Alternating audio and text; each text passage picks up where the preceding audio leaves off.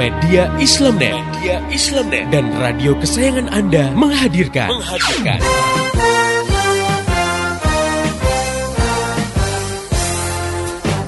Voice of Islam, Voice of Islam, Voice of Islam. Di satu sisi diyakini bahwa perbuatan judi dan semua bentuk kemaksiatan itu diharamkan oleh Islam. Itu juga banyak yang sudah tahu. Namun di sisi lain, umat Islam sendiri tidak memiliki kemampuan untuk melarang kegiatan seperti itu. Karena sebenarnya kalau orang paham Islam, maka tidak akan dia punya pendapat wanita harus bekerja karena Islam tak pernah mewajibkan wanita untuk bekerja. Yang wajib bekerja itu laki-laki hmm, karena mereka iya. wajib menanggung nafkah keluarganya. Jadi sebenarnya hukumnya wanita bekerja itu mubah, hmm, boleh ya, jadi tidak dosa.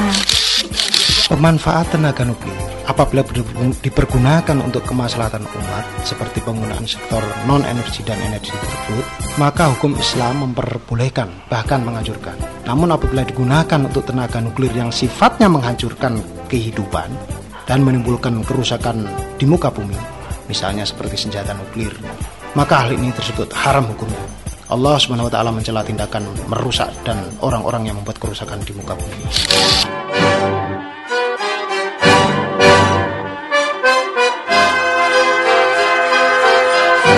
Voice of Islam. Voice of Islam. Voice of Islam.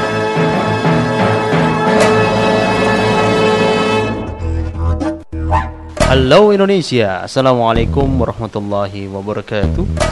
Sobat muda, jumpa dengan saya Umar Abdullah dalam program Voice of Islam. Kerja bareng Media Islam Net dengan radio kesayangan kamu ini. Dan selama 30 menit ke depan Voice of Islam akan mengisi ruang dengar kamu dalam rubrik Cerpen Remaja Islami. Dan kali ini, Sobat muda, cerpen yang akan saya bacakan berjudul Ketika Ogi Ronda karya oleh Solihin. Cerpen ini sangat bagus, cukup tegang dan yang jelas asik punya. Nah, bagaimana isi cerpennya? Kita akan dengarkan setelah lagu yang berikut ini. Tetap setia di Voice of Islam. Aku Ku terlalu mencintaimu Terlebih ku menggilaimu. Salahkah ku Hingga Ku tak tahu arah hidupku? Ku telah buta karenamu Tolong aku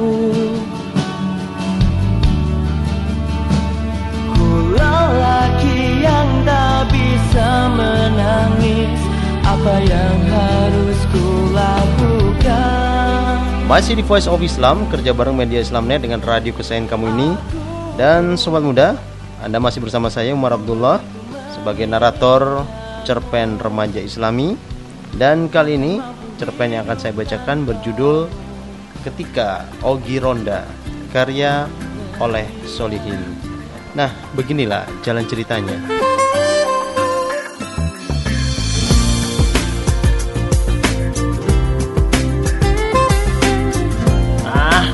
Payah. Masa aku disuruh ronda sih? Ogi ngomel saat ia diminta sama Pak RT untuk meronda malam ini. Emang sih, Pak RT nggak ngomong langsung sama Ogi. Lagi pula yang diminta ngeronda adalah papanya. Cuma karena papanya lagi keluar kota, padahal malam itu giliran papanya untuk meronda, ya terpaksa Ogi kudu menggantikan peran papanya sesuai aturan yang berlaku. Sobat muda, omong-omong, belakangan ini memang di kompleks perumahan dan juga di sekitar perumahan tempat tinggal Ogi itu sudah banyak maling yang nyusup. Sepeda motor yang diparkir di depan rumah aja langsung diembat sang maling. Rumah kosong di siang hari pun gak lepas dari sasaran maling. Disatroni dan langsung digasap seluruh harta benda berharga yang ada. Itu sebabnya satpam yang berjumlah lima orang pun gak cukup untuk mengamankan warganya. hingga keluarlah surat perintah dari Pak RT setempat untuk mengadakan jaga malam. Semua warga yang masih seger buger, apalagi yang jago ilmu kanuragan, diharapkan bisa ikut ambil bagian dalam mengamankan lingkungan sekitar. Gi, sudahlah. Mama mengizinkan kok kalau kamu ikutan ngeronda malam ini. Besok kan libur sekolah, kata mamanya malam itu. Oke deh, tapi gimana kalau nanti anak mama yang semata wayang ini pulang tinggal nama? Ogi rada kesel. Ah, kamu mikirnya kok yang enggak enggak Gi? Ujar mamanya sambil meletakkan buku di rak milik papanya. Bener mah, Ogi nggak bohong. Mama kan udah denger kalau maling sekarang lebih nekat. Minggu kemarin di kampung sebelah ada orang yang kecurian.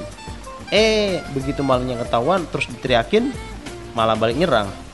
Dikejar oleh empat orang, yang ngejarnya malah balik lagi. Tahu nggak kenapa mah? Malingnya cuma dua orang, tapi yang satu bawa samurai, yang satunya lagi bawa pistol. Coba, mana bisa kita lawan? Jelas Ogi. Tapi kan kalau rame-rame, maling juga mikir-mikir Gi. Namanya ngasih pendapat. Itu kalau warganya mau semuanya turun mah lah kalau cuma lima orang atau 10 orang masih ngeri juga mah. Ogi masih kekeh. Tapi masa kita mau ngalah sih Gi? Kalau kita pada takut, maling makin seneng aja operasi. Mamanya juga nggak mau kalah. Ogi menyayangkan banget kenapa polisi cuma jaga-jaga di kantornya aja.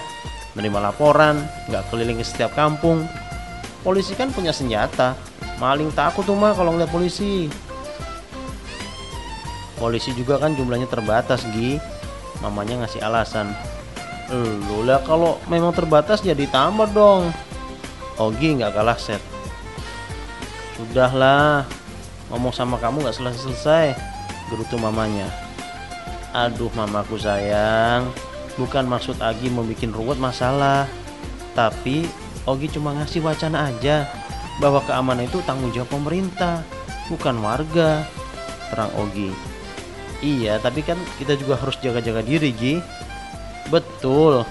Kita nggak bisa sepenuhnya ngandelin sama pemerintah. Tapi kan tanggung jawab utama adalah pemerintah, mah. Buat apa ada polisi? Lu nggak, mah?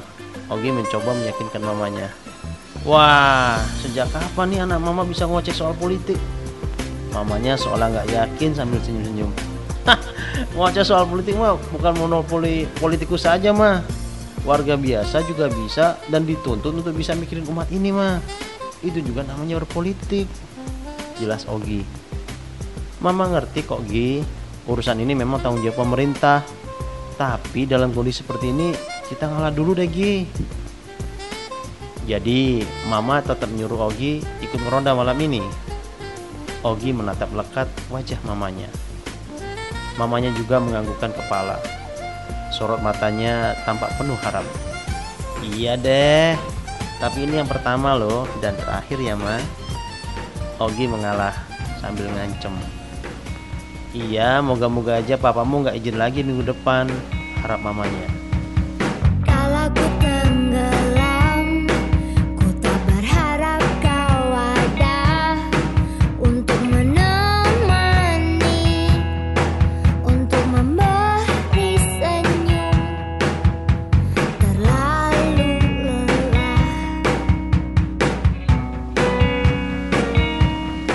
Ogi kemudian masuk ke kamarnya.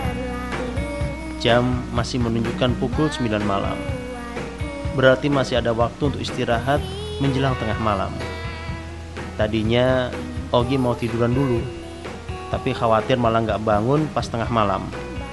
Jadi daripada menanggung resiko diomelin sama mamanya gara-gara nggak ikut ronda, akhirnya Ogi milih melek terus sampai menjelang tengah malam. Sambil mengisi waktu luang, Ogi nyalakan komputer. Surfing dulu ah, sekalian buka email. Pikir Ogi sambil menyalakan modem dan mengklik icon untuk connect ke internet. Ogi lalu sibuk ngecek email yang masuk dan membuka beberapa situs berita di internet. Ada satu email dari seorang teman mailing listnya yang mengirimkan berita tentang kejahatan di ibu kota. Ogi bergidik membacanya. Setelah puas surfing di berbagai situs favoritnya dan mendownload semua email yang masuk, Ogi mendisconnect internetnya. Mulailah Ogi mengecek email secara keseluruhan satu persatu.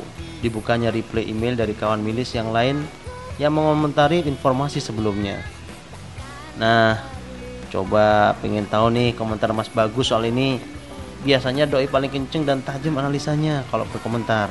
Pikirnya sambil mengklik pesan tersebut dan segera membacanya. Tingkat kejahatan yang terus meroket tajam, sementara kinerja kepolisian yang kendor semakin membuat masyarakat tidak percaya lagi dengan aparat penegak hukum tersebut. Maka sangat wajar jika ada warga yang tega menyiksa maling yang tertangkap basah, dicincang rame-rame dan kemudian dibakar. Warga puas, sebab paling tidak satu maling telah koit. Tapi cukup efektifkah langkah ini? Ini yang jadi persoalan sebab tidak akan ada kata akhir bagi seorang maling. Paling maling kalau doi tahu ada aktivis sesama maling ketangkep dan dibunuh, doi akan bilang, "Ah, itu kan lagi hapus aja, lagi sial." Begitu kira-kira komentarnya. Jadi jelas, ini membutuhkan perangkat hukum yang handal. Hukum sekarang, kapitalisme, sudah jelas tidak becus mengatur kehidupan. Komunisme dan sosialisme juga sudah terbukti gagal menata kehidupan Cuma Islam yang bisa mengantarkan kedamaian umat manusia di dunia ini. Islam yang dipahami sebagai akidah dan syariat, Islam yang diterapkan sebagai ideologi negara. Jadi, mari satukan pikiran dan perasaan kita untuk mewujudkan tegaknya kembali Islam di muka bumi ini. Wassalam. Bagus. Nah, ini yang aku cari. Komentar mantap begini yang bisa mencerahkan pemikiran umat. Aku forward ke milis lain. Ah, ujar Ogi. Sobat muda, Seluruh email yang didownload hampir semuanya selesai dibaca. Ogi kemudian merebahkan dirinya di sandaran kursi. Ia merenung memikirkan kondisi negeri ini, di mana angka kejahatannya sudah menggunung, ekonomi morat-marit, politik makin kusut, ya pendidikan kian mahal, seks bebas, pelacuran, tawuran, narkoba, dan seabrak masalah sosial lainnya mendera negeri ini, bahkan kian mengkhawatirkan banget. Sobat muda, lagi ngelamun begitu. Di luar terdengar orang mukulin tiang listrik. Ogi kaget. Buru-buru lihat jam dinding di kamarnya. Sudah menunjukkan pukul setengah 12 malam.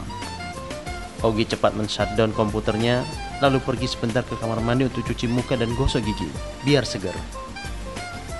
Ogi segera menuju pintu depan. Dibukanya dan keluar, lalu menutup dan mengunci pintu depannya. Ogi pun sudah siap dengan jaket tebal pelindung tubuhnya. Gak lupa senter kecil dia selipkan di saku jaketnya. Gantiin papamu ronda Gi?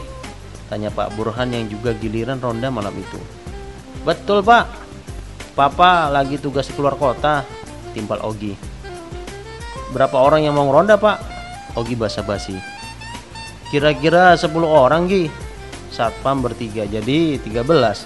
Pak Burhan merinci sobat muda. Keduanya lalu jalan menuju pos ronda. Di situ sudah ada lima warga yang lagi asik ngobrol. Di depannya sudah terhidang kopi panas, lengkap dengan pisang goreng yang masih ngebul. Ogi tertarik juga ngeliat hidangan itu. Sayup-sayup terdengar suara tiang listrik yang dipukul. Makin menambah ramai suasana. Ogi ikut gabung dengan kelompok pemuda. Maklum, kalau gabung sama bapak-bapak, obrolannya lain. Angin malam makin terasa dingin memukul-mukul tubuh para peronda hingga mereka makin melilitkan kain sarung ke tubuhnya. Jam sudah menunjukkan pukul setengah dua pagi. Sobat muda, lagi asik jalan ngontrol kondisi lingkungan sekitar di RT sebelah di luar kompleks terdengar teriakan maling maling maling kontan saja Ogi dan bapak-bapak yang lagi patroli kaget dan terus siap-siap. Sebagian dari bapak-bapak yang terlihat kalem kini mulai berwajah garang. Pak Burhan sudah siap dengan samurainya.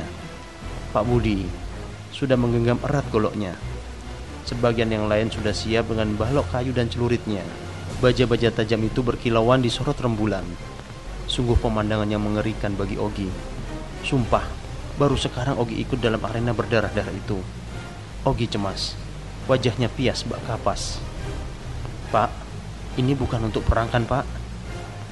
Ogi memberanikan diri bertanya kepada bapak-bapak itu. Maling harus dikasih pelajaran biar tahu rasa dan biar maling lain kapok untuk berbuat yang sama, kata Pak Burhan. Sobat muda, Ogi makin ngeri aja.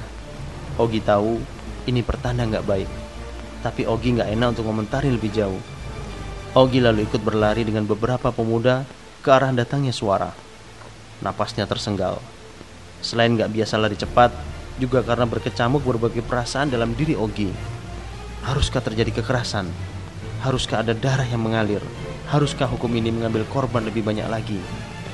Semua perasaan bercampur jadi satu.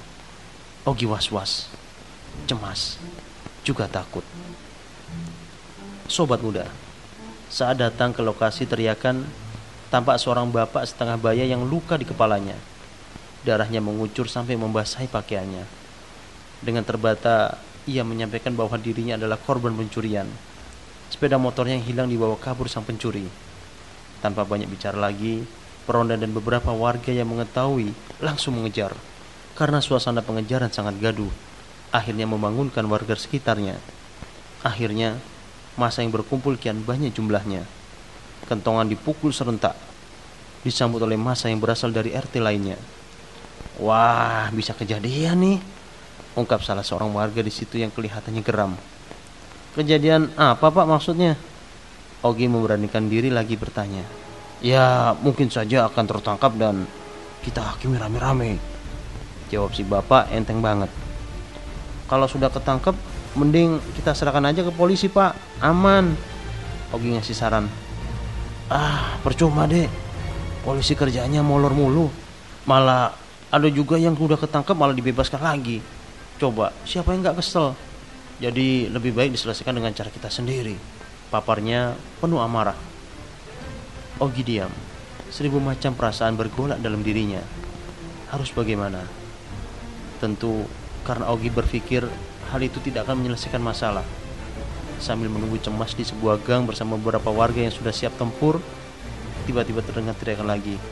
Bakar, bakar, bakar. Wah, itu sudah ketangkep. Ayo kita ke sana. Kata seorang pemuda ceking sambil menghunus samurai Bak Kenshin Himura segera berlari. Ogi dan beberapa warga lainnya kepaksa ikutan. Begitu sampai di sana, tampak seseorang dengan wajah bertopeng, penuh luka tergolek tak berdaya.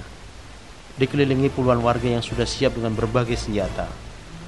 Dalam kondisi seperti itu, Ogi nekat untuk bicara Bapak-bapak semua, bapak-bapak semua, tenang, tenang, sabar. Kita nggak boleh gegabah bertindak. Ogi menenangkan warga yang mulai beringas. Ah, mau kosong. Kamu mau kalau ini kejadian terus begini, dibiarin maling tambah ngelunjak. Seorang bapak dengan mata merah menyandang balok kayu menatap Ogi. Ogi rada ngeper, tapi tidak menyurutkan niatnya menenangkan masa. Betul pak, betul. Kita juga kesel kita juga kecewa sebab di negeri ini makin banyak aja kejahatan sementara hukum tidak pernah ditegakkan. Tapi tentunya kita juga nggak bisa main hakim sendiri, Pak. Ogi kembali mengingatkan. Udah, udah, udah. Bukan saatnya untuk berkhotbah, percuma. Ayo kawan-kawan, kita bakar saja manusia keparat ini. Ucapnya sambil mengayunkan balok kayu yang dari tadi disandangnya. Puk! Tanpa orang itu menggeliat kesakitan, Gak lama diikuti dengan timpukan batu dan kayu, juga sabetan pedang, samurai dan celurit. Ogi bergidik, ada pembantaian di sana. Ogi menyaksikan pemandangan itu seperti mimpi. Ogi lemas, gak berani menatap tubuh lemas tak berdaya itu. Mungkin orang itu sudah tewas. Ah, susah mengendalikan orang-orang yang sudah kalap dan gelap mata. Ogi berharap polisi segera datang, tapi telat. Masa sudah begitu beringas dan tega menganiaya. Ayo, ayo, mana bensinnya nih? Terdengar teriakan seorang bapak. Ogi kian pias. Ogi hafal betul dengan suaranya. Bapak yang tadi membawa balok kayu, bapak yang tadi berstikang dengan Ogi. Tapi sebentar, biar nggak penasaran gue pengen tahu dulu siapa manusia bertopeng ini. Manusia keparat. Bapak tadi berusaha membuka topeng orang tersebut, disaksikan warga lainnya. Orang itu memang sudah tewas dengan luka di sekujur tubuhnya. Darah mengalir deras keluar dari tubuhnya. Begitu dibuka, Gak salah lihat nih gue. Bapak tadi kaget setengah hidup dan mendadak terkulai lemas. Warga juga kaget begitu melihat wajah yang sangat kenalinya. Rudi, anaknya Pak Sugeng. Bapak yang tadi paling ganas ingin menghabisi, kini terkulai lemas. Ogi juga kaget. Pemandangannya kini berubah jadi haru. Di situ ada korban. Di situ ada darah. Di situ ada pembunuhan.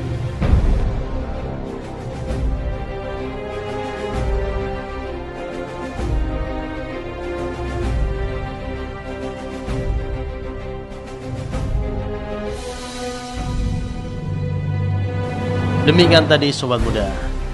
Sebuah cerpen yang berjudul Ketika Ogi Ronda Cukup tegang. Dan mudah-mudahan kita bisa mengambil pelajaran dari cerpen ini. Oke sobat muda.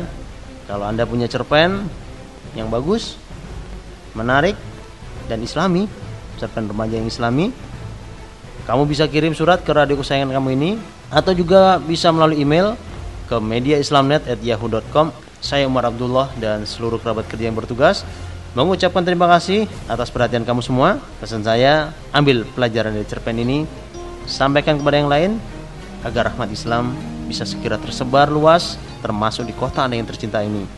Dan esok hari insya Allah Voice of Islam akan kembali hadir di ruang dengar kamu pada waktu dan gelombang yang sama. Mari menimbang masalah dengan syariat. Assalamualaikum warahmatullahi wabarakatuh.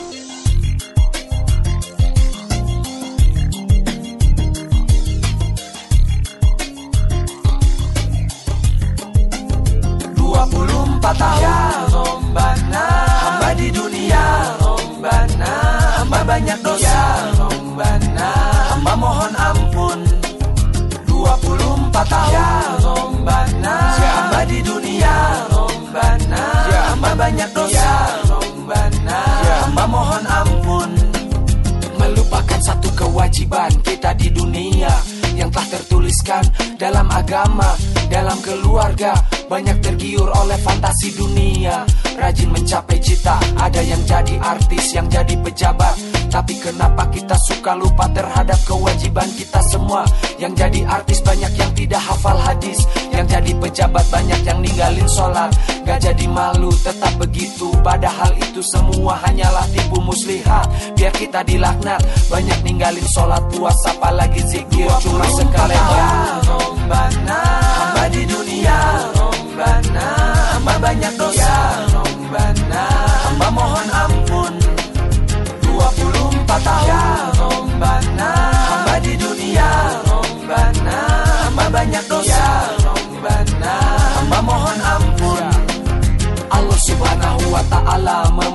memerintahkan kepada kita semua makhluknya di dunia berusaha mencukupi kebutuhan menafkahi keluarga. Dari zaman Nabi Adam mencari Siti Hawa dan Rasulullah bergerak di bidang niaga. Namun sebenarnya kita jangan lupa terhadap kewajiban kita semua. Jangan lupa sholat jangan lupa zakat jangan lupa zikir. Sekarang mari kita evaluasi diri apa kekurangan kita di dunia kita perbaiki. Ya buat bekal nanti di alam kekal ya rombana hamba di dunia rombana hamba banyak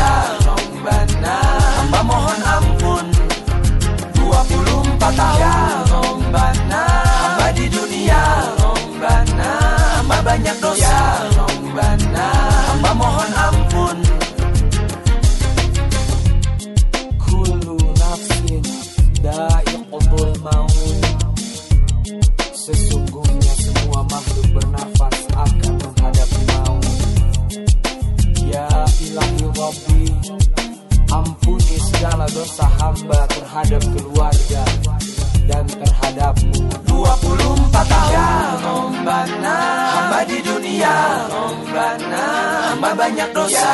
Rombana Hamba mohon ampun. 24 24 tahun. Ya Rombana Hamba di dunia. Rombana Hamba banyak dosa. Ya Rombana Hamba mohon ampun. Demikian tadi Voice of Islam. Voice of Islam. Semoga hikmah yang terkandung bermanfaat untuk kita semua. Amin amin amin ya robbal alamin. Kembali bisa Anda dengarkan Voice of Islam. Voice of Islam menghadirkan topik-topik seputar kehidupan kita esok hari di waktu dan gelombang yang sama.